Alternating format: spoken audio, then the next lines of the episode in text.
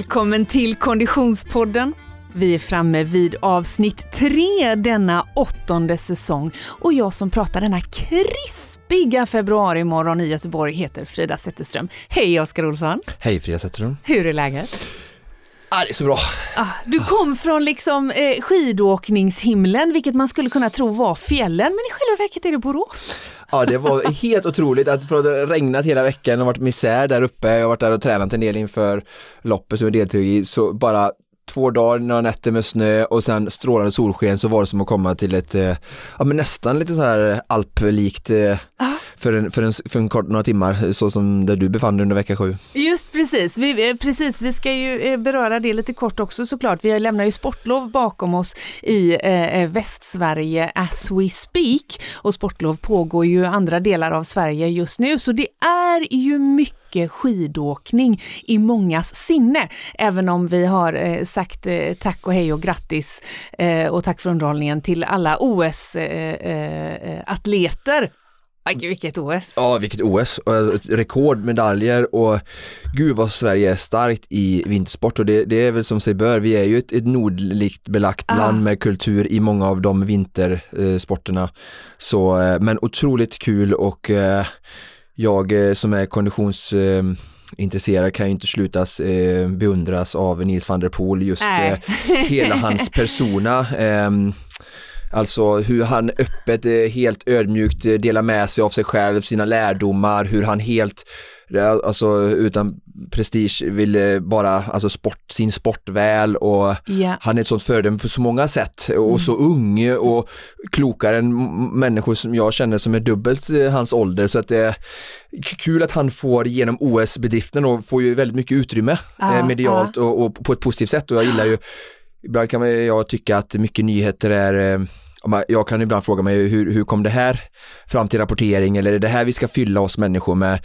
Men, men att han nu då får utrymme under den här OS-perioden så mycket välförtjänt och, och ha sånt budskap bakom som jag tror att mer människor än, än bara sådana konditionsnördar som jag kan ta till sig. Definitivt! Eh, ja. hans, hans, eh, många av hans eh, budskap eller eh, oavsett om de är budskap eller ej, men mycket av det han kommunicerar är ju lärdomar eh, för livet generellt faktiskt. Eh, otroligt inspirerande och han han har ju eh, eh, många kompisar i, i landslagstrupperna, eh, helt klart, som är det. Eh, ja, eh, roligt och, och, och ja. Ett tips till våra eh, vet du, grannar och nära vänner, eh, Colting Nakna Sandpodden. Han gästar den, vet jag, idag faktiskt, när vi samma dag som vi spelar in detta avsnittet. Så nästa avsnitt så kommer han eh, komma i ett fullmatat avsnitt med Jonas och Niklas, så att det ser jag fram emot att lyssna på. Det är ju ett poddtips eh, att lyssna på när du har lyssnat klart på detta avsnittet. Eh, och jag, man fick ställa frågor frågor jag har ställt eh, fråga där också för att se om, om eh, Jonas eh, plockar upp den i podden. Okej, okay, mm. ja vad mm. roligt, ja, mm. spännande. Ja, mycket, mycket eh, skidåkning, eh, skridskoåkning eh, eh och sport. sport generellt som har med snö och is att göra i våra sinnen. Och vi kommer ju hålla kvar vid det där frusna H2 ett litet tag till eftersom vi ju är i någon form av uppladdningsfas, eller hur? Det här avsnittet tar helt enkelt tempo kampen på Vasaloppet. Ja, alltså morden av alla skidlopp. Jag skrev i mitt inlägg morden av alla långlopp men jag tror nästan det är ihop med eh, VM 5 milen eller OS 5 milen som också är en sån här anrik distans eller lopp genom åren. Så, så, det är ju typ ett av de absolut största loppen du kan vinna och, och det är verkligen eh, ja, urmodens moder av alla skidlopp tror jag som med så mycket historik och som lever kvar än och ja, Ja, och den där historiken, den som firar 100 år i år, den ska vi eh, eh, fråga eh, Vasaloppet lite om hur, hur man kommer märka av den eh, 6 mars. Eh, eh, man märker ju av det redan nu såklart eftersom eh, firarveckorna och tävlingarna har inletts.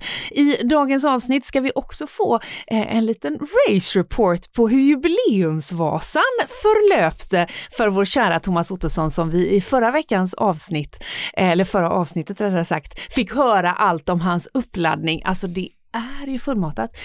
Sätt dig bekvämt, valla skidorna. Eller spring. Eller cykla. Eller cykla, gör vad du vill bara du lyssnar vidare på Konditionspodden.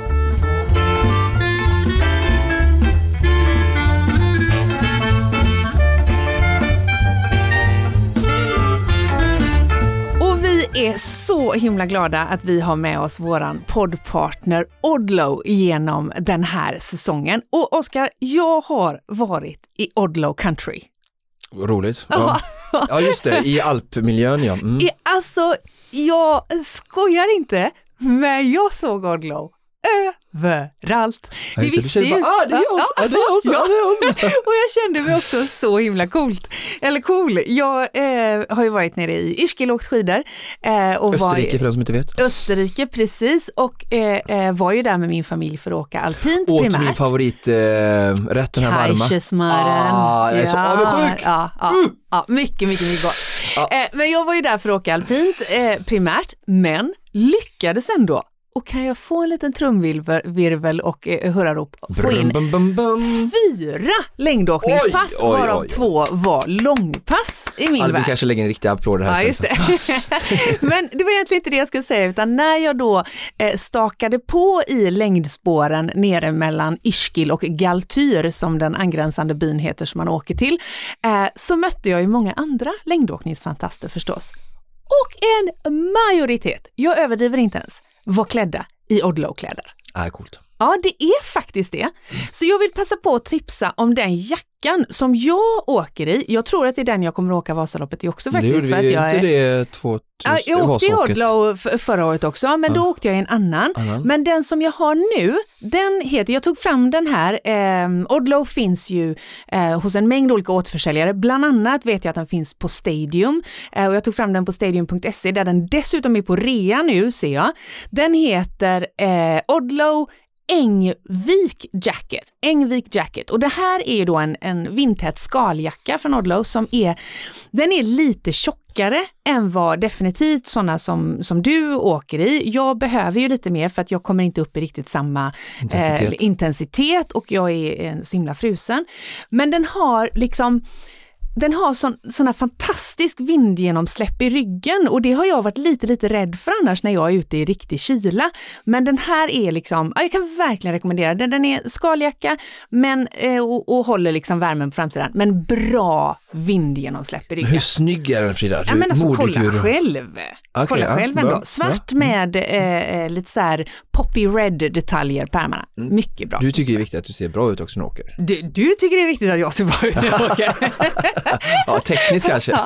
Men jag måste ändå säga att eh, eh Odlo klarar även den biffen ja, faktiskt.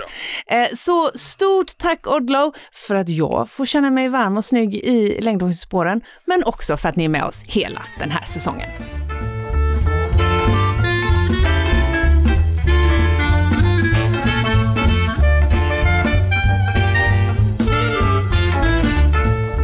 Oskar, eh, när du och jag spelar in det här avsnittet, eller när vi allihopa spelar in det här avsnittet, så är vi tio dagar bort från Vasaloppet. Och igår eh, så stod jag på gymmet, eh, eh panikskickade ett sms och skrev, jag skickade en bild på stakmaskinen och skrev, vad ska jag köra för intervaller?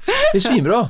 Ja? Du har ju coach nära till hands, så det är bara att fråga på. Det är det viktigaste är att, eh, det är viktigt att göra rätt nu det här sista. Mm, ja men precis och, och som sagt eh, om det är någon i, eh, utav er Konditionspodden-lyssnare som befinner sig i motsvarande situation, att man har en ungefär två veckor, tio, tio dagar kvar till sin eh, eh, till sitt mål, så är man ju fortfarande i den där fasen av att kunna ta i ordentligt, eller hur? Verkligen. Mm. Så passet du skickade min väg var ju helt enkelt intervall intervaller, eh, ah, 10 minuter, Eh, 9, 8, 7, 6, 5, Precis. 4, 3, 2, 1 i en fallande stege med en minuts vila. Så ett tuffare tempo slash tröskelpass, lite under tröskel men någonstans runt tävlingsfart lite tuffare. Och så. också ökande skrev du ju, ja, ja, ökande intensitet. Precis, öka lite vid kortare och då blir ju belastningen ungefär densamma. Just det. Eh, eftersom att eh, det blir kortare tid hela tiden. Ja, det var, det var bra.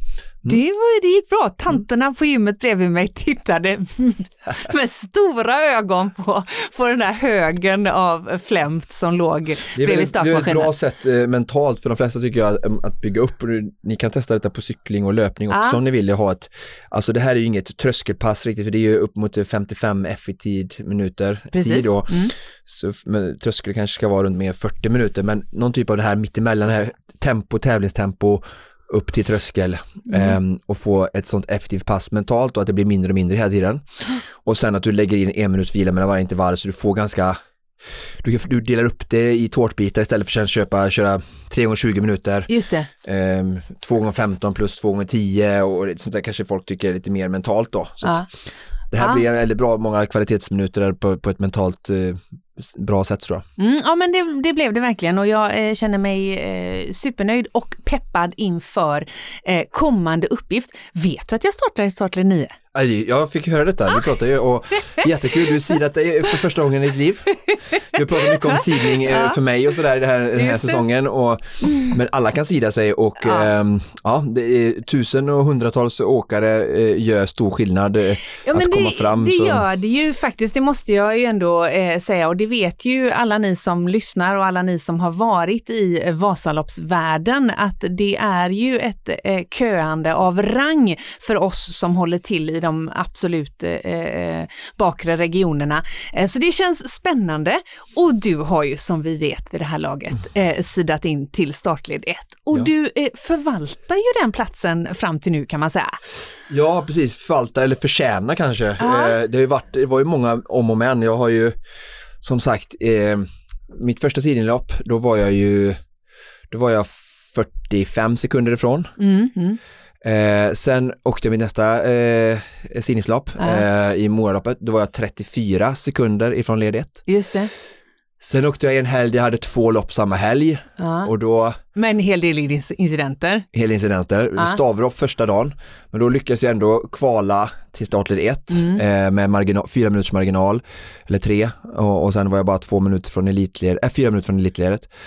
Och sen eh, Eh, dagen efter så missade jag led ett, då bytte jag ju skidor och det var ju kaos liksom Just sådär, fick, tapp stod ju stilla över två minuter. Mm. Men då missade jag lite, eller, eller startled ett med också några sekunder, mm. jag tror ja men 19-20 sekunder. Mm. Och sen eh, körde jag eh, Billingen, där du var med också. Yeah. Och det var ju också, eh, hade jag, eh, stod väl ganska långt, då fick jag dålig start där långt bak. Eh, och då var jag 70 17 sekunder ifrån eh, startled 1. Just det. Men då var jag redan kvalad. Då var du så. färdig, mm. precis. Men så körde jag ju Borås Ski Marathon nu då och nu, nu klarar jag eh, startled 1 med fem minuters marginal. Just det, och ehm. det här är, är ju vad eh, du själv har uttryckt din, ditt bästa skidlopp hittills. Ja, absolut, det var det ju. Vad var det som gjorde den stora skillnaden? Ja, det är väldigt många faktorer för att som sagt, eh, det är ju en helt ny grej för mig lite. Jag ska inte säga att swimmer eller triathlon, det är ju också materialsporter men det är ändå lite så här att folk vet så här, du ska ha den här cykeln, du ska ha den här våtdräkten och så gör du så och sen så, så kör du hårt. Mm. Eh, och, och, så är det ganska mycket att den starkaste mannen, kvinnan eh, vinner, alltså sådär. Eh, men här på skidåkning så är det så många andra faktorer och två av de viktigaste faktorerna förutom då träningen och syreupptaget som vi pratar om och sådär, så är det startposition och eh, vad du har för material under fötterna. Just det. Och att eh, få till båda de två uh. är en hel vetenskap. Yeah, Alltså som jag har varit inne på innan, då, 90% säger de är vilken typ av skida du har och 10% är typ vallan. Mm, mm. Lite av det som Lasse viktig, pratade om förra veckan. Och framförallt när det gäller glidvallan tror jag att det spelar mindre roll. Alltså då är det verkligen belaget och det här som gäller. Yeah. För motionärer som kör med fäste och sådär så är det ju kanske lite större såklart viktigt att hitta rätt i fästet. Mm, Men vi mm. då som som åker nu stakskidor och, och bara stakar oss fram, där är det verkligen så har jag förstått att vallan är bara de här sista procenterna och jag Just trodde det. att det var tvärtom. Just det. Köper man en dyr skida ja. så, så är den väl bra. Alltså ja, så har det alltid varit, köper jag en dyr cykel så får jag en, en konkurrenskraftig cykel som gör att jag har lika vet, förutsättningar som mina konkurrenter och, slåss om de ädlaste mm. medaljerna. Mm, mm. Men här är det så att om skidan är för kallföre, varmföre, yeah. eh, inte har rätt rill, rätt belag och sådär för, mm. för rådande förhållanden och, mm. och, då, mm, och det kan slå liksom att temperaturerna, vädret slår om över natten så kan Exakt. det ändra sig. Vad den skidan hade tänkt igår funkar inte. Så många vallar ju och väljer, alltså hela morgonen går ju åt att folk är ute och bara ja. testa skidor och jag återigen får komma in i den här världen och jag verkligen beundrar och imponeras av hur duktiga och seriösa de är, de som var både före och efter mig i mål. Mm. Alltså de kommer oftast ut som skidklubbar, de är flera stycken och så är det klassiskt då nu hade jag ju med detta och du frågade, frågan var ju vad gjorde du annorlunda och det här är en del i den berättelsen och när jag kommer ut till skidstadion och ska testa mina skidor så jag är ju själv då men de är ju flera så, mm. så man gör då att de tar två olika skidor tar på sig mm. eh, för olika fören då och så åker de ner för en backe och så håller de med varandra i armen ah, och så sitter de ner i fartställning och så håller de varandra i armen för att de ska ha samma fart ah. och sen så när de har precis samma fart så då släpper de, de händerna ah. och så glider de en bit till och så ser de vilken glider mest nu då. Det. Så de, det finns ju hela tiden ett sånt alltså samarbete, teamwork, teamwork ja, och, och för att hjälpa varandra att hitta vilka skidor ska vi ha idag? Vilka lämpar sig Vilka bäst? lämpar sig? Ja. Och då bygger du på att du har då investerat 18 miljarder tusen ja. eh, i flera par skidor för det är, de är inte så billiga styck. Eh, ja, och sen så behöver du ha då som jag också skaffat mig nu, då, till skillnad från vad jag gjort förut, en, en duktig kille, Jan Flodin från längdskidspecialisten som är supernördig kille i Borås som har en en liten skidbutik i ett hål in i väggen med, han, han säljer allt eh, inom längdskidåkning och rullskidåkning och eh, gör mycket vallar och, och sådär då och mm, ja, nöda ner sig så att jag fick tag i honom och har inlett ett samarbete med honom och kontakt och köpt nu då skidor av honom mm. och börjat jobba med honom och diskutera, utvärdera från olika lopp, vad funkade och funkade inte yeah. för att hela tiden liksom bli bättre materialet och inleda den här liksom resan och den här dialogen för det är mm. verkligen lite som ett pågående, gående, ja, ja. jag fattar. Eh, mm. och, så den stora skillnaden var ju att jag hade inlett samarbete med honom. Ja. Eh, så att jag hade mer konkurrenskraftigt material genom att jag har köpt på mig skidor nu då så jag hade flera att välja mellan på tävlingsdagen. Ja. Så nu har jag tre par istället för ett par. Mm. Jag kommer försöka skaffa fler på sikt. Mm. Um, måste bara jobba lite däremellan. Ja. och sen um, Ja, och sen som sagt att han verkligen tar hand om skidorna och, och läser på sig och känner till förhållanden och mm. det var ju Borås nu där han kommer ifrån så det är också kanske han känner till snön så lite bättre och sådär. Ah, ah, ah. Så det var en stor skillnad och sen då så när jag, eh, till skillnad från alla andra tävlingar så var det här med startpositionen då och eh, jag har haft med Filip någon gång och så har vi haft liksom ganska långt i starten från där vi har bott och sådär och det är ju också en lärdom att planera att jag åkte ju från Sollebrunn farmor, eller så min mamma eh, bor till Billingen sist och du bodde mm. ju på hotellet där då mm, vilket mm. resulterade att jag ja, men kom längst bak i, i startled 1 ja. och, och nu då så bodde jag i Borås och så liksom var jag först på hela skidstadion, för, för alltså det var bara ja. jag och arrangörerna där, så jag la ja. ut skidorna absolut först. Ja, och då fick jag en jättebra och rättvis eh, startposition, startposition vilket gjorde att liksom, första backen så var jag med täten och hängde de första varvet och sen kunde jag göra mitt eget lopp eh, helt avhängt av att det är liksom långsammare åkare framför mig som jag måste ödsla både energi och tid på för att ta mig om. Just det. Kommer du att tälta bredvid starten i Sälen? Alltså det var en jättebra berättigad fråga och, och, jag sa det senast igår att alltså mitt, enda störst, mitt största huvudbry, jag känner att jag har fått ordning nu med skidor, uh, uh. Eh, Jan Flodin kommer vara på plats eh, och, och valla andra kunder och, och mina eh, skidor och vi kommer att testa på fredag, lördag där och bara yeah. nörda ner oss och se det känns tryggt, eh, nutritionsupplägget börjar jag eh, liksom klaffa nu och, och få eh, liksom med gels med kardborre på dräkten, ja, allt sånt funkar. Ja. Men det är det här morgonen att lägga ut skidor, ah. för jag känner ju ändå så här att nu när jag har bra grejer och de här förutsättningarna så är jag verkligen mitt emellan elitledet och startled 1 ah. i kapacitet. Ah. Vilket gör att jag känner att jag eh, helt ett, rättvist ah. förtjänar att stå topp 50 i startled 1. Men det är ju liksom... Hur många är det som är i startled 1? Men jag tror att det är typ 300 i elitledet och 700 i, elit, i startled 1. 700 i startled 1 ja. alltså. Och, och, det är liksom... Då är det skillnad. Det är ja, men det är otroligt, det går inte ens, jag kan inte ens i den här podden, jag behöver ett eget avsnitt för att förklara skillnaden att ha 700 framför dig eller 700 bakom dig. Um, ja, och ja, Det är inga dåliga åkare, så när du kör om dem så kostar det väldigt mycket, även om jag kanske är starkare än ja. 80 procent än dem, om jag sticker okay. ut hakan. Men, men då tänker jag så här, vi, vi kommer ju med stor sannolikhet att släppa ett avsnitt till innan starten går eh, eh, av Vasaloppet 2022. Så vi återkommer till huruvida du kommer att tälta eller hur vi nu gör för att hamna in, i, bra, i, i bra position inom våra respektive startled. Men om vi håller oss kvar i Borås mm. eh, eh, eh skimaraton mm. en liten stund till. För det känns som att vi kan inte bara lämna det till att eh, du hade bra koll på materialet, utan du gjorde ju naturligtvis också en, en, en stor prestation rent eh, ja, åkningsmässigt? Alltså rent, absolut, alltså rent fysiskt så känner jag så här, jag var väl typ lika stark som jag varit på de andra loppen, bara att nu fick jag verkligen chansen att visa vad min fysiska kapacitet och teknisk färdighet som ännu är väldigt outvecklad eh, håller till och räcker till och ja, men starten gick, om vi tar en kort eh, genomgång av loppet så eh, som sagt eh, kom iväg bra i starten, stod bra för startposition vilket är en förutsättning. Eh, och eh, först upp i första backen kändes lätt, eh, kunde gå med täten, de, de var ju en tät grupp sen som kristalliserades på, på sex åkare.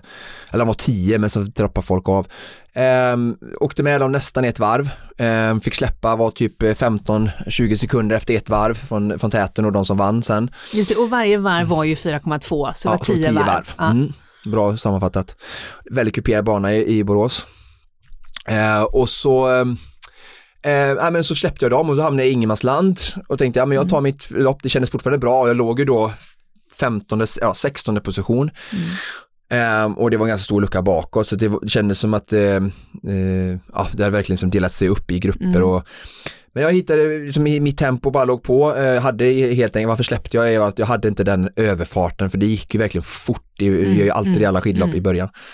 Och sen så stagnerade farten och sen fortsatte jag tappa lite, åkte själv och, och, och sådär, men så mer jag kom in i det så um, efter, uh, jag tog med till, till och med mellantiden här för att jag ska visa dig lite för att det, det är lite sådana här häftiga saker som jag kommer ta med mig, alltså positiva och uh, negativa saker och lärdomar från loppet. Uh, men uh, jag hade som mest då, efter tre varv så var jag 1.07 um, efter täten. Yeah. Då låg jag på trettonde plats och eh, hade börjat plocka lite åkare och sen eh, får jag höra av mitt supportteam att eh, jag har 40 sekunder upp till Erik Wikström mm. Eh, som hade släppt täten då med 20 sekunder. Så jag hade en minut, sju sekunder upp till täten och så 40 sekunder till Erik och tänkte inte så mycket med det, det kändes bara bra och jag fortsatte plocka åkare.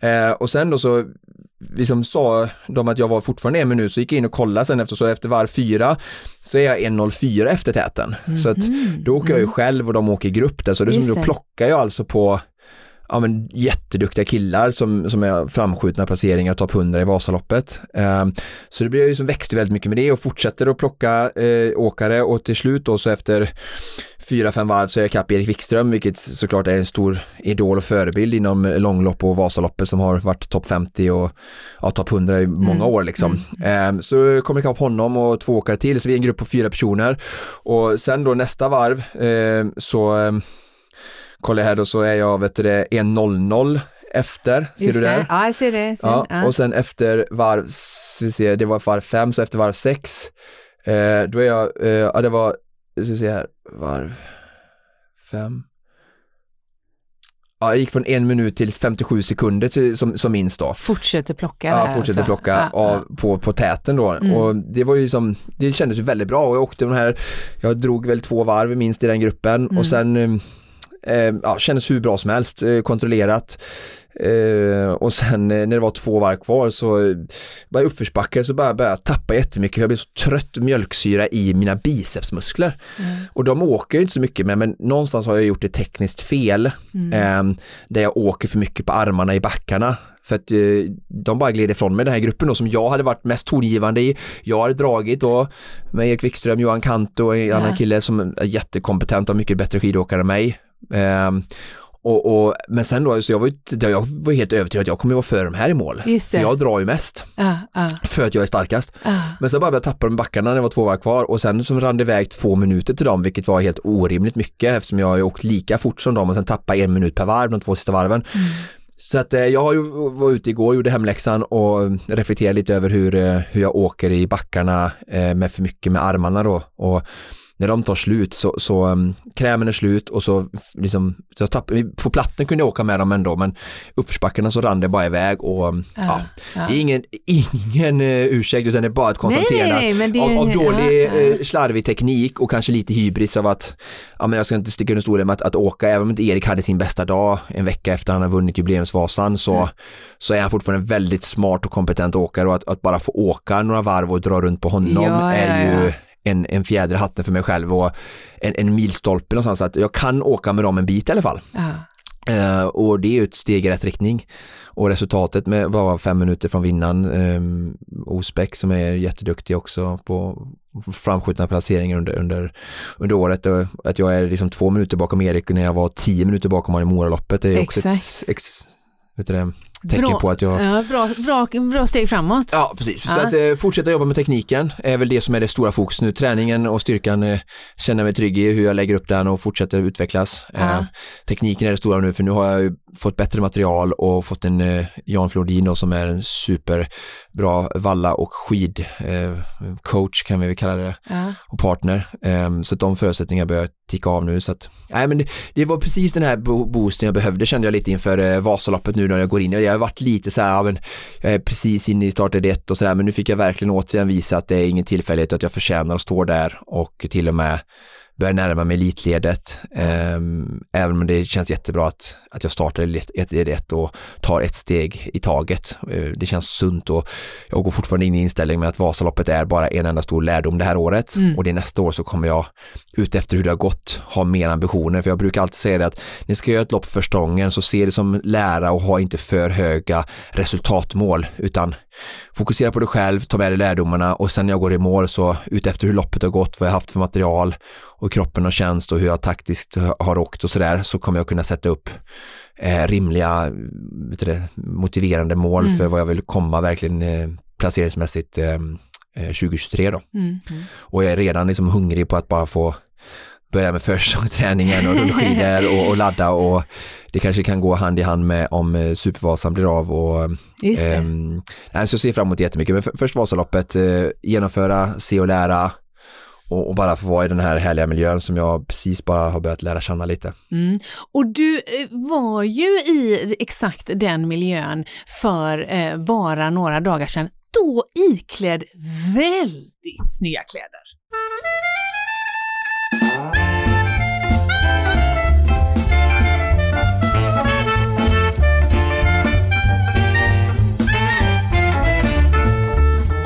Säger välkommen in i studion. Hej Thomas Ottosson! Hallå Frida! Hur känns det? Jo, Hur det... mår du? Hur är det? Ja men det känns, det känns skönt. Förra gången hade jag de gamla kläderna på mig. Nu, nu får jag vara lite mer ledigt. Nu är du modern. Nu är jag modern. Och jag tycker det är så kul att när vi var här sist och hälsade på oss i de här valen, han visste inget vad som väntade. Det var bara massa eh, idéer, tankar, funderingar, förhoppningar, förväntningar. Mm. Eh, men nu har eh, vi facit här inne. Han har fått uppleva det. Nu vet han hur det åker med gamla skidor. Han vet hur det åker i kläderna och hur hela spektaklet eh, var. Så det är spännande Exakt att få höra. så. Och, och för den Konditionspodden-lyssnare som inte riktigt hänger med, så när du har lyssnat klart på det här avsnittet, gå tillbaka till avsnitt två, den åttonde säsongen, för då har vi nämligen uppsnack med eh, eh nämnda Thomas Ottosson iklädd utrustning inför stundande jubileumsfas. Eller pausa detta nu, gå tillbaka, och lyssna. så kan du dessutom göra om du skulle ha möjlighet. Men Thomas, hur var det? Jo, om vi, om vi ska eh, hänga på på ert prat där så att vi inte visste något, att inte jag visste någonting och det, ah. och det tror jag är en nyckel och jag Just vill det. nästan hävda att det är en, en, nyckel för de flesta av de 139. Ah. Det var ingen som förstod hur jobbigt det faktiskt var. Ah, eller vad det skulle innebära, riktigt så. Vad var jobbigare än du hade förväntat dig? Nej, det, det, det var att det, det är liksom nöta på. Ah. Liksom man, eh, ja, om, om en sekvens var när jag kom till Evertsberg och träffade Mattias Svan. Ah.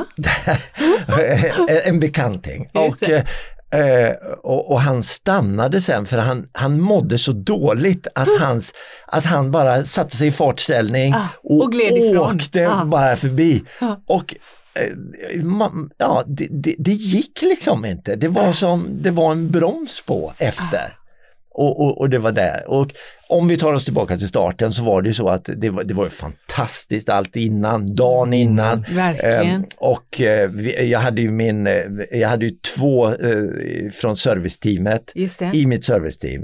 Eh, utklädda och fina och fick möjlighet att träffa alla andra som skulle åka och sådär. Så allt var perfekt. Ja men fina inramningar och bra arrangemang och, och eh, ni levererade ju fantastiskt content till oss som, som sorgligt nog befann oss på, på södra, sydligare breddgrader, så vi kunde ju ta del av det förtjänstfullt, eh, väldigt eh, snyggt verkligen. Så man förstod ju att ni var peppade och man förstod att det liksom var bra förutsättningar.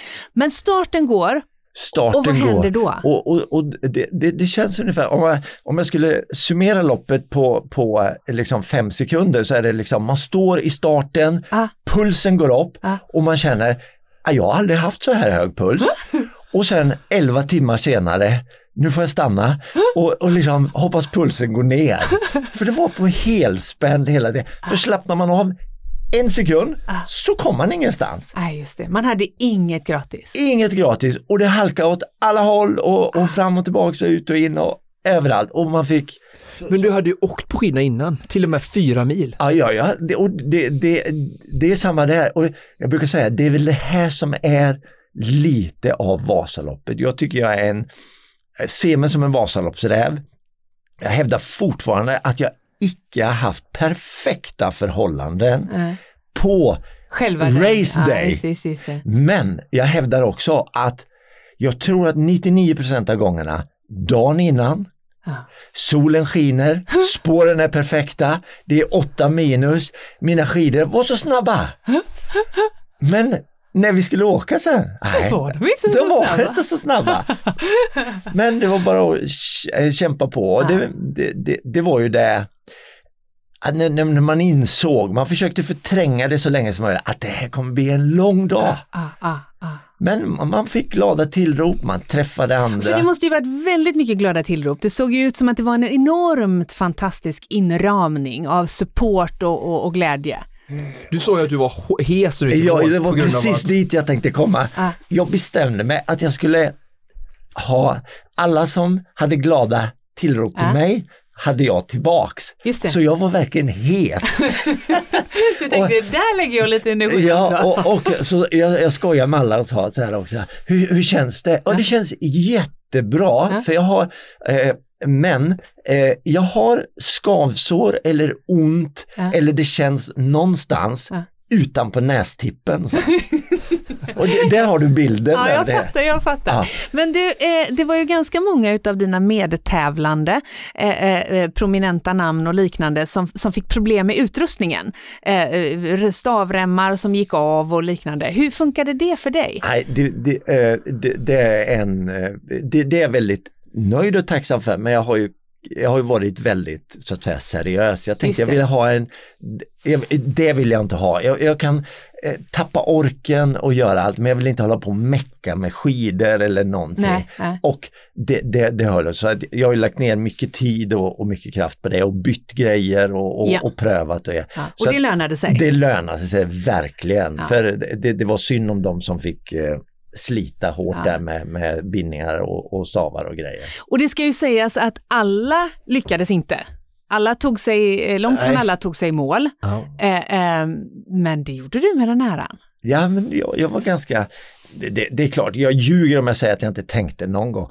En gång försökte jag hitta en sanning som som, som, som, jag, liksom, som jag kunde hålla mig och då tänkte jag så här, men 48 kilometer, är inte det ganska bra jubileum? Ska det, 90? Är det, det är väl onödigt. Så mycket behöver man inte jubilera. Men eh, och sen eh, samtidigt, det, det var, då kom jag till Evertsberg. Det. Och det, det, var lite roligt att träffa Mattias där som sa, nu kör vi. Ja, just det. Ja, så, så då, då, tänkte jag, äh, men, jag, men det visade sig ju sen, och det här var ju, jag, jag har ingen åsikt om det, men det, det är bara, det är ganska intressant att när man siktar på, om, man, om du ska åka 90 kilometer, mm. på något vis så vet du att det är 90. Eller du vet att 90 är ganska långt, ah, men ah det visade sig att det, det var lite längre alltså. Ja, ja, ja. 95-96 där någonstans. Emellan. Och de där sista fem kilometerna. Ah, Bonuskilometer. ja, de är man inte så sugen på alltså. De det, det, det var liksom, eh, de, de var lite jobbiga, så kan man säga. Du, hur, hur, eh, hur förlöpte själva tävlingen? Vi hörde eh, Oskars eh, komprimerade race report från eh, Borås skimaraton alldeles nyss, hur han fick dra själv eh, under en, en, del av loppet och, och sen dra en klunga som han fick släppa. Eh, vi som följde jubileumsvasan såg att det, det var en, en eh, tät strid mellan eh, Anders Södergren och Erik Wikström, även om Erik eh, ledde väl i stort med sett. en minut med, i första, vid Smågan ja, och sen hela vägen in. Ja, men det var, en, det var man förstod ändå att det var, ja. är det någon som skulle ha en chans så var det väl Södergren. Anders Södergren då.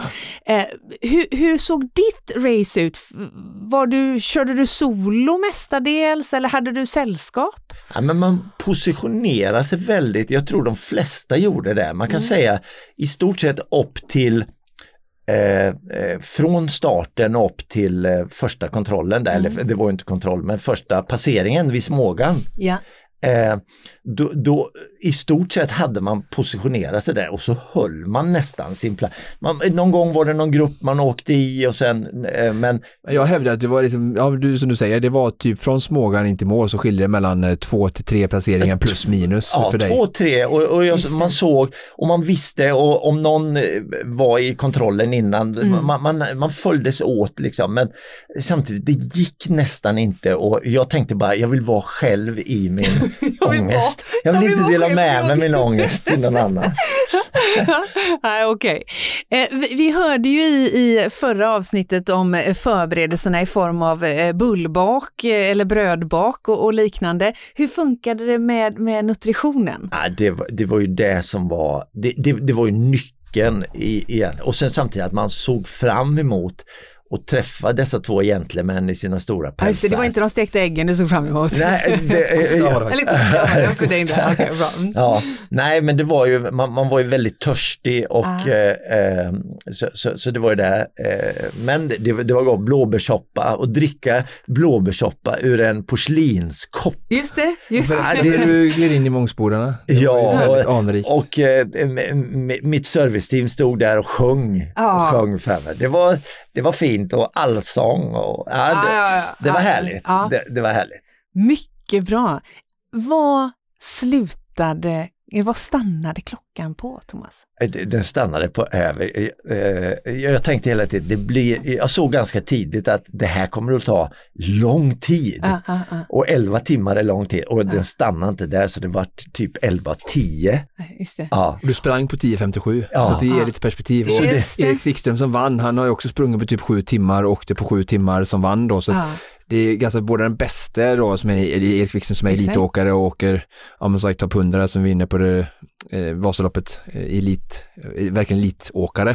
Han åkte också på samma tid som han springer så det går ju att överföra någonstans där, liksom att eh, det, var, det var ju typ som att springa liksom. Det, du, det du hade igen i glid ibland då när det gick att åka och man såg en staka, det förlorade du när du fick springa upp för med liksom tre meter långa skidor istället för gympaskor som väger 100 90 gram på. Och jag vill bara tillägga att jag, jag åker på modern utrustning i samma takt som jag springer. Så att, eh, för att ge det hela lite perspektiv. Ah, så har du sprungit på nio timmar menar du? Nej, men jag menar i, per mil. Så att det, ja, inte nio mil. Nej, definitivt inte, men jag menar bara att det är, det, det är ändå en fantastisk prestation. Ah, ja, ja. Det är ändå mm. otroligt att göra det. Eh, och och vad, den här då 11 timmar Eh, eh, ledde ju ändå till en väldigt anmärkningsvärt bra placering. Nej, men jag var ju... Det måste vi ändå konstatera Thomas. Nej, men jag, var, jag är väldigt glad över det. Du är inte yngst eller? Nej, jag är inte. Jag är snart Nej. 60 år. Ja. Ja. Och 45 blev du av 139. Ja. 42, 42 av herrarna där. Det, är, det är viktigt att damerna... Så att eh, jag, någonstans där, men jag är väldigt, men bara det att när jag träffar mina Vasaloppsvänner överallt, när, de, ja, när de frågar vad är din, din, din topplacering? Bara det. Och det kvittar om det är 42 eller 45, men jag var där på Vasaloppet. Så att det, det är det. Och det är otroligt häftigt och även känner jag att få vara med om en sak som sker var hundrande år. Eh, det känns ju jätte, alltså hedrande att få varit med om detta för nu dröjer det hundra år till. Jag vet inte om varken jag och Thomas eh, eller någon som lever nu, inte ens min son, får, kan, har möjlighet att uppleva det. Och, och, faktiskt var det en, en av tankarna när man åkte som gjorde att det går inte att ge upp här. Nej. Eh, jag vill in i historieböckerna ja. men eh, jag vill inte göra om det. Nej, just det. Just det, det. Nu är det färdigt, nu har vi jubilerat färdigt. Just det. Så, men bra, du har jubilerat färdigt i vadmansbyxor men du har inte inte åkt färdigt för 2022? Nej, verkligen inte. Och jag är så laddad. Nu ska vi fira ännu mer ja. och eh, jag åker upp redan på lördag ja. och åker första eh, öppet spår på, på måndag. Just det. Och så blir det stafett på, eh, på fredagen. Just det. Och så blir det det stora. Vasaloppet. Ja, ja, det ska bli Du, du som är Vasaloppsräv här nu, jag står inför mitt första riktiga Vasalopp här nu i startled 1. Har du, har du några liksom, tips här nu? För jag ja, kan vi pratar om huruvida han ska tejp, tälta eller inte bredvid ingången. Det måste vara i starten. Du måste vara tidigt. Samtidigt, ja, ja, en och en halv timme innan Follerna öppnar. Ja, öppnar follerna då? Ja, de, de, öppnar fem va? Ah, nej, inte startled 1. Startled 1 öppnar sist. 6 ah. eh, 6.30 tror jag till och med. Ja, oh, men det, det här får vi kolla upp. Vi har ett avsnitt kvar. Ja, vi kollar upp detta. Det är viktigt att kolla. Jag vet att jag har uppstigning 2.30 i alla fall. Ja, ja, men kan du ställa dig där så jag kan sova? Nej, nej, nej. Det, det, är väldigt viktigt. Man får inte, inte kö för varandra. Inte kö för varandra. Man kör. Det är bara så. Det finns, det finns regler och så finns finns det regler. Och i vilket startled startar du? Fjärde. Du, mitt emellan oss då ungefär kan ja. man säga. Ja, ja. Fantastiskt. Thomas Ottosson, stort grattis till väl genomförd jubileumsprestation och lycka till på kommande lopp. Tack så jättemycket.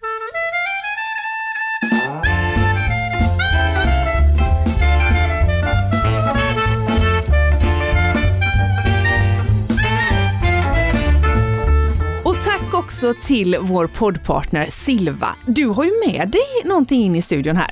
Ja men alltså jag tänker det är mycket lättare att prata och förklara Aha. när jag har det framför mig än äh, inte alls. Okay. Du får klämma och känna jag lite. Jag klämmer och känner, får fram då ett, eh, det, vi pratar pannlampor. Ja. För det är ju det som är eh, en av Silvas specialiteter, det är också det vi har valt att fokusera på eh, under den här perioden när Silva har varit med oss. Eh, och du har testat. Mm. Jag har testat Crosstrail 7 XT.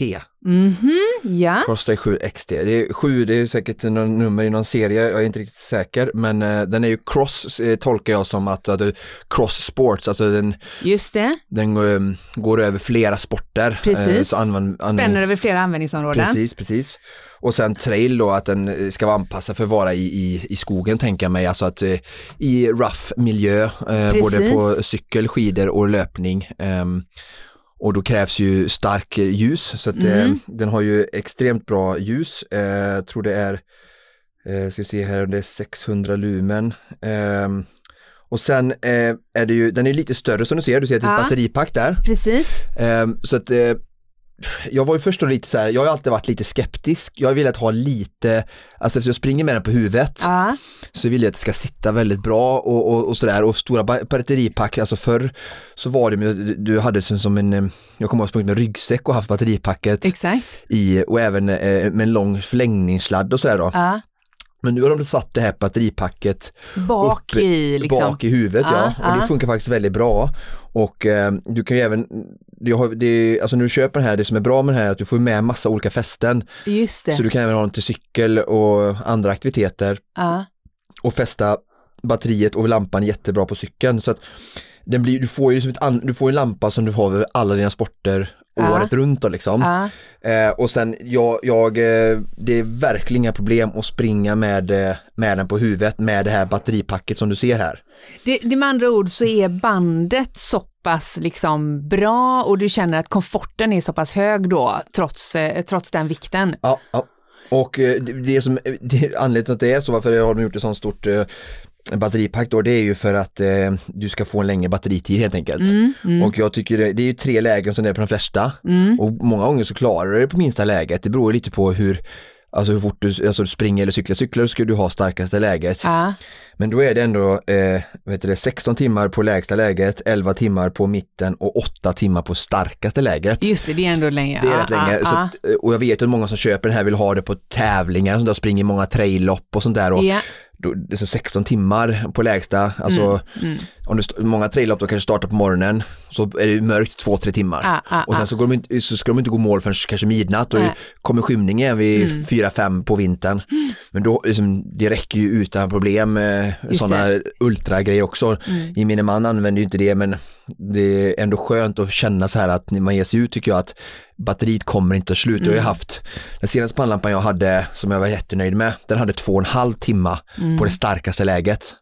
och det här är då 8. Mm, mm, ja, den var lite eh, smidigare men inte mycket och de har ju verkligen eh, kommit ner i vikt och effektivitet vad det gäller batteripack och, och ja. sådana grejer. Så att, eh, Förmåga att, bli, att rikta ljuskälla och sådär, hur, hur upplever du det? Mm, alltså jag har haft en innan, då var det en ljuskägla så gick den alltså 360 skifta. Exakt, här går den ju i ja, egen... Upp och ja. ner bara, går inte leda åt, åt sidan då. Eh, jag tycker det, det, det, funkar jättebra. Kanske ja. att de skulle kunna, men de har säkert en bra argument för det. Men ja. det är ju väldigt viktigt att man kan i alla fall upp och ner. Just det, men just sidor går inte riktigt. Men man kan ju vrida huvudet också. Det kan man och sen, ju. och sen när du, när du svänger och cyklar ja. så spelar det inte så stor roll för då, när du svänger styret följer så följer det med, med i sida. Men upp och ner kanske beroende på hur du cyklar mm. så vill du kunna rikta ljuset då, mm. ljusbilden upp eller neråt mot marken beroende på hur tekniskt det är. Mm. Och igen, vad heter den här modellen som vi nu recenserar? Crosstrail 7XT. Mm. Okej, okay, om du skulle ge den ett slutbetyg?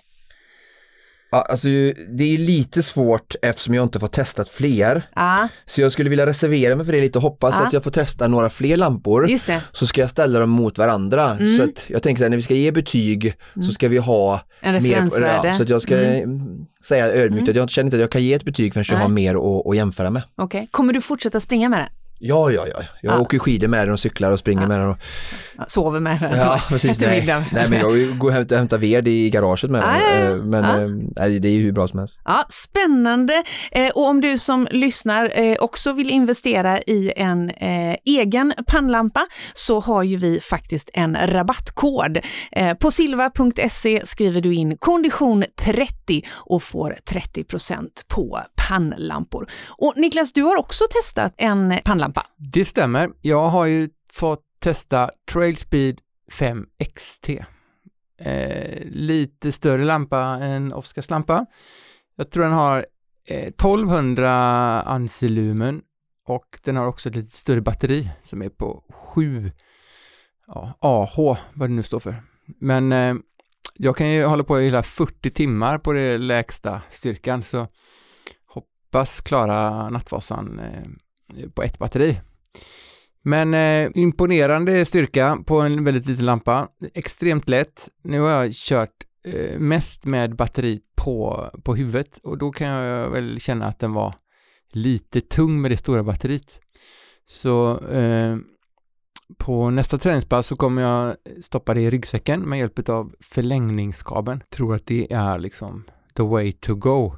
Alternativt att jag stoppar den liksom i innerfickan. Men eh, eh, mycket stark eh, lampa måste jag säga. Jag har ju testat den i de italienska skogarna och eh, med inte en enda glödlampa i närheten så löste den här upp liksom hela omgivningen. Så jag är, jag är faktiskt eh, impad över en sån liten lampa kan lysa så mycket.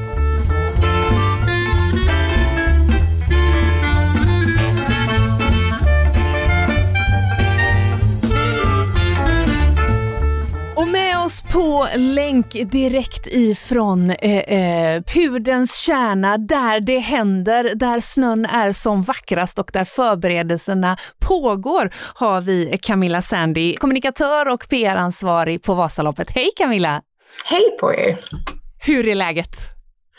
Jo, men det är bra. Det är, ehm, det är ganska mycket att stå i, så det är eh, men det är bra. Ja, det hade ju varit tråkigt om det inte var mycket att stå i, när det är bara eh, timmar, dagar och sekunder kvar till 100-årsjubileumets eh, eh, kulmen. Absolut, så är det. det här är, vi är otroligt glada att vi har väldigt mycket att stå i nu i vinter, att vi äntligen får arrangera en vanlig vintervecka på plats. Det ska bli fantastiskt roligt. Mm. Om vi börjar i den änden att ni nu äntligen får lov att släppa på. Va, va, hur känns det? Ja, men det, det känns eh, pirrigt och roligt och eh, en ganska stor lättnad skulle jag vilja säga. Nu arrangerade vi jubileumsvasan här för, eh, vad blir det, två veckor sedan som ni är medvetna om. Just det. Och det var ju liksom en fantastisk start på det här 100-årsfirandet som vi vill dra igång. Och bara få göra det var ju, ja, men det var så otroligt roligt. Det blev så kul. Folk var så engagerade och gick man ur huset och det var liksom 1920-talskläder och ja, det var jätteroligt och det gav som en, en föraning på hur, hur det kan vara i vanliga fall. Man har ju nästan lite grann glömt bort liksom, hur det är normalt. Mm. Ja, vi har ju fått här i, i detta avsnittet höra eh, eh Thomas Ottosson, en av de eh, eh, eh, eh utvalda åkarnas race report. fantastiskt evenemang verkligen.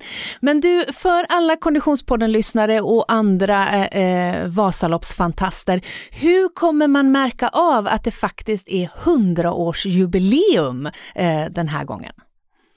Ja, men jag tror att man kommer att märka det mycket på, på stämningen, atmosfären, eh, lite extra pyntat, lite extra av allt.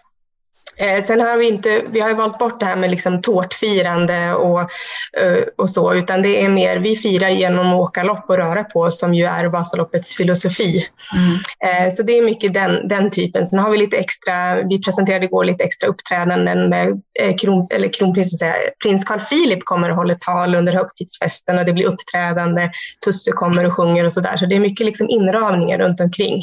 Just det.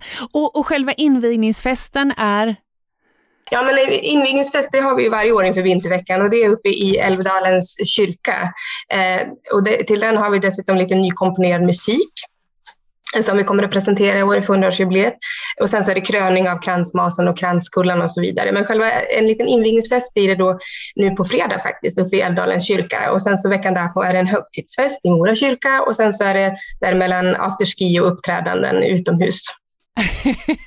du har att stå i kan man för, säga. För de som är uppe under vinterveckan nu Camilla, var någonstans finns det det här fullspäckade programmet att ta del av så att man kan se om det är någonstans man kan dyka in eller dyka upp på? Ja, men absolut. Kolla in vasaloppet.se under mm. program mm. så finns det där. Och sen så försöker vi kontinuerligt uppdatera våra sociala kanaler, både på Facebook och Instagram, där det också finns en hel del information att ta del av. Mm. Mm. Och på tal om jubileum, jag såg också en, eh, läste på mig lite här innan vi gick on air här med Frida och sa att jag kanske skulle delta i det här um, jubileumsloppet. Jag ska själv åka Vasaloppet på söndag, men det var 10 kilometer på lördag så jag förstod det, 5 mars och så ska ta på sig någon sån här härlig utstyrsel. Jag kanske kan låna Thomas eh, utstyrsel och, och åka 10 eh, kilometer som en uppladdning för det stora Vasan och, och hylla den här 100 åren. Det var ju roligt eh, lopp ni har lagt till där då på lördagen då. Ja, men precis, det glömde jag ju nämna. Tack för att du tog upp det. Det är ju vårt stora jubileumsfirarlopp, kallar vi det också, Vasaloppet ja. 10. Eh, också tänker jag utifrån inspirationen där med jubileumsvasan, att eh, här kan man klä ut sig i, i kläder och utrustning från valfritt decennium. Mm. Om det är 20-tal eller om det är eh, 70-tal eller 90-tal för den delen också. Alltså jag, jag gillar ju starka färger och mogren, så jag tänker 80-tal och så sån här liksom, vet, måste bara hitta en sån utrustning. Ja, ja, ja, man ser ju de här neonfärgade dräkterna framför sig alltså. Ja, men precis, här finns chansen att, att gå lite bananas i spåret. Ja. Det tror jag kommer bli ett väldigt roligt lopp att få titta på och vara med och ta del av. Och det är också den här dagen när Tusse uppträder sen då i målområdet, så det kan ha alla chanser att bli en riktigt häftig dag. Det är lördag mars. Så välkommen Frida, anmäla sig. anmäler vi dig. Tack så Kul. mycket du. Jag är väldigt nöjd att jag ska ge mig på de nio milen på söndagen. Så att, eh, däremot kommer jag med mikrofonen i högsta hugg, det kan jag faktiskt lova.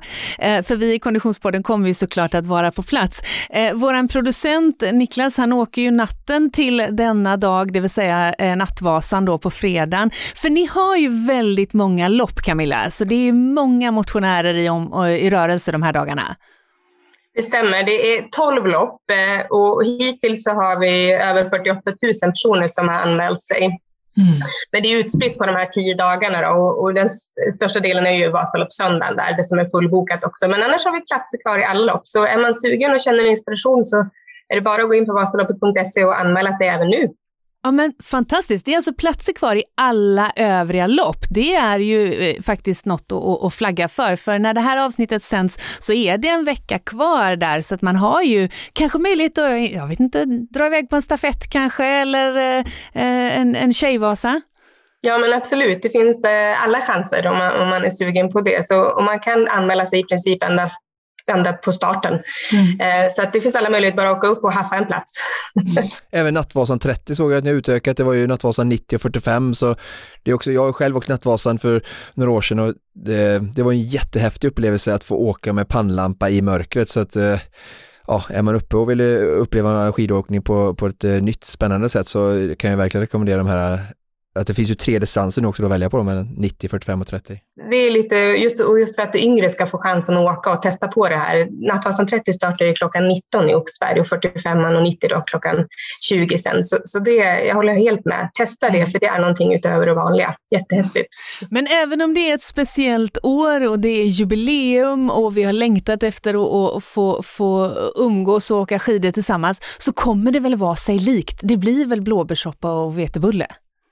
Det kommer att vara sig likt. Det kommer att vara en start i Sälen och i Oxberg. Det kommer att finnas blåbärssoppa och eh, målportalen finns på plats.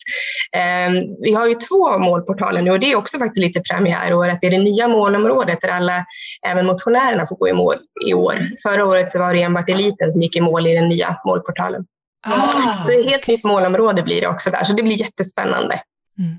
Jag ser fram emot och gå under den berömda portalen. ja, det är, är, är, mycket spännande som ligger framför oss. Blir det någon skidåkning för dig Camilla? Ja, det brukar bli klent under själva vinterveckan. Ehm, I helgen kunde jag ge mig ut hemma, men under vinterveckan brukar det faktiskt vara för mycket jobb för mig, så jag brukar inte hinna med att åka några lopp, tyvärr. och avslutningsvis, hur är snöläget uppe mellan eh, Sälen och Mora i detta nu?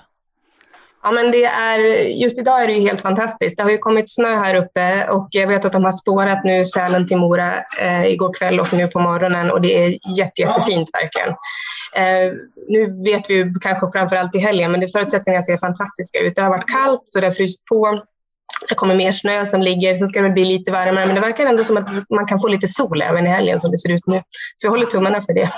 Ja, ljuvligt. Stort lycka till med arbetet fram till eh, eh det är dags den 6 mars, eller ja, ni har ju redan dragit igång som vi har konstaterat. Eh, och, och, så ses vi i spåret helt enkelt. Det gör vi. Tack ska ni ha. Ja, Oskar Olsson, det är inte utan att man blir riktigt peppad på att ta sig fram till eh, eh, eh den 6 mars nu du. Nej men nu, nu är vi, nu är vi nära. Ja, nu är vi nära och nu har vi verkligen eh, både med inspiration från Thomas och jättehärlig lite inside och information från eh, Camilla så är det verkligen Vasaloppsfeeling här i studion och det är ja, när avsnittet, avsnittet släpps bara 9-10 dagar kvar ja. och eh, nu är det bara ladda, äta, göra de sista träningspassen och sen bara få njuta och vara en del av detta ikoniska. ikoniska lopp eh, som har så mycket historia som vi har fått lyssna till idag. Och, och ehm, ja, äh, men det är något speciellt verkligen och det ska bli jättekul att, att få vara med. Jag trodde inte detta för två år sedan eh, när du åkte första gången eh, i 2020 jag var i USA och var mitt inne i swimrun så att livet tar oanade vändningar och det är bara att följa med och njuta längs vägen. Ja, verkligen. Och vi är ju såklart nyfikna på att veta om du, du som lyssnar, du som hänger med oss i dina öron, kommer att eh, ta del av Vasaloppet. Kommer du kanske åka någon utav eh, de olika loppen i år eller har du som ambition att göra det längre fram? Eh, gå in på Konditionspoddens sociala medier och berätta för oss eh, eh och håll oss i handen hela vägen in i mål i Mora. Detta, mina damer och herrar, var allt vi hade hade att bjuda på för det här avsnittet. Precis som vanligt eh, produceras Konditionspodden av Fredag. Connect Brands with People.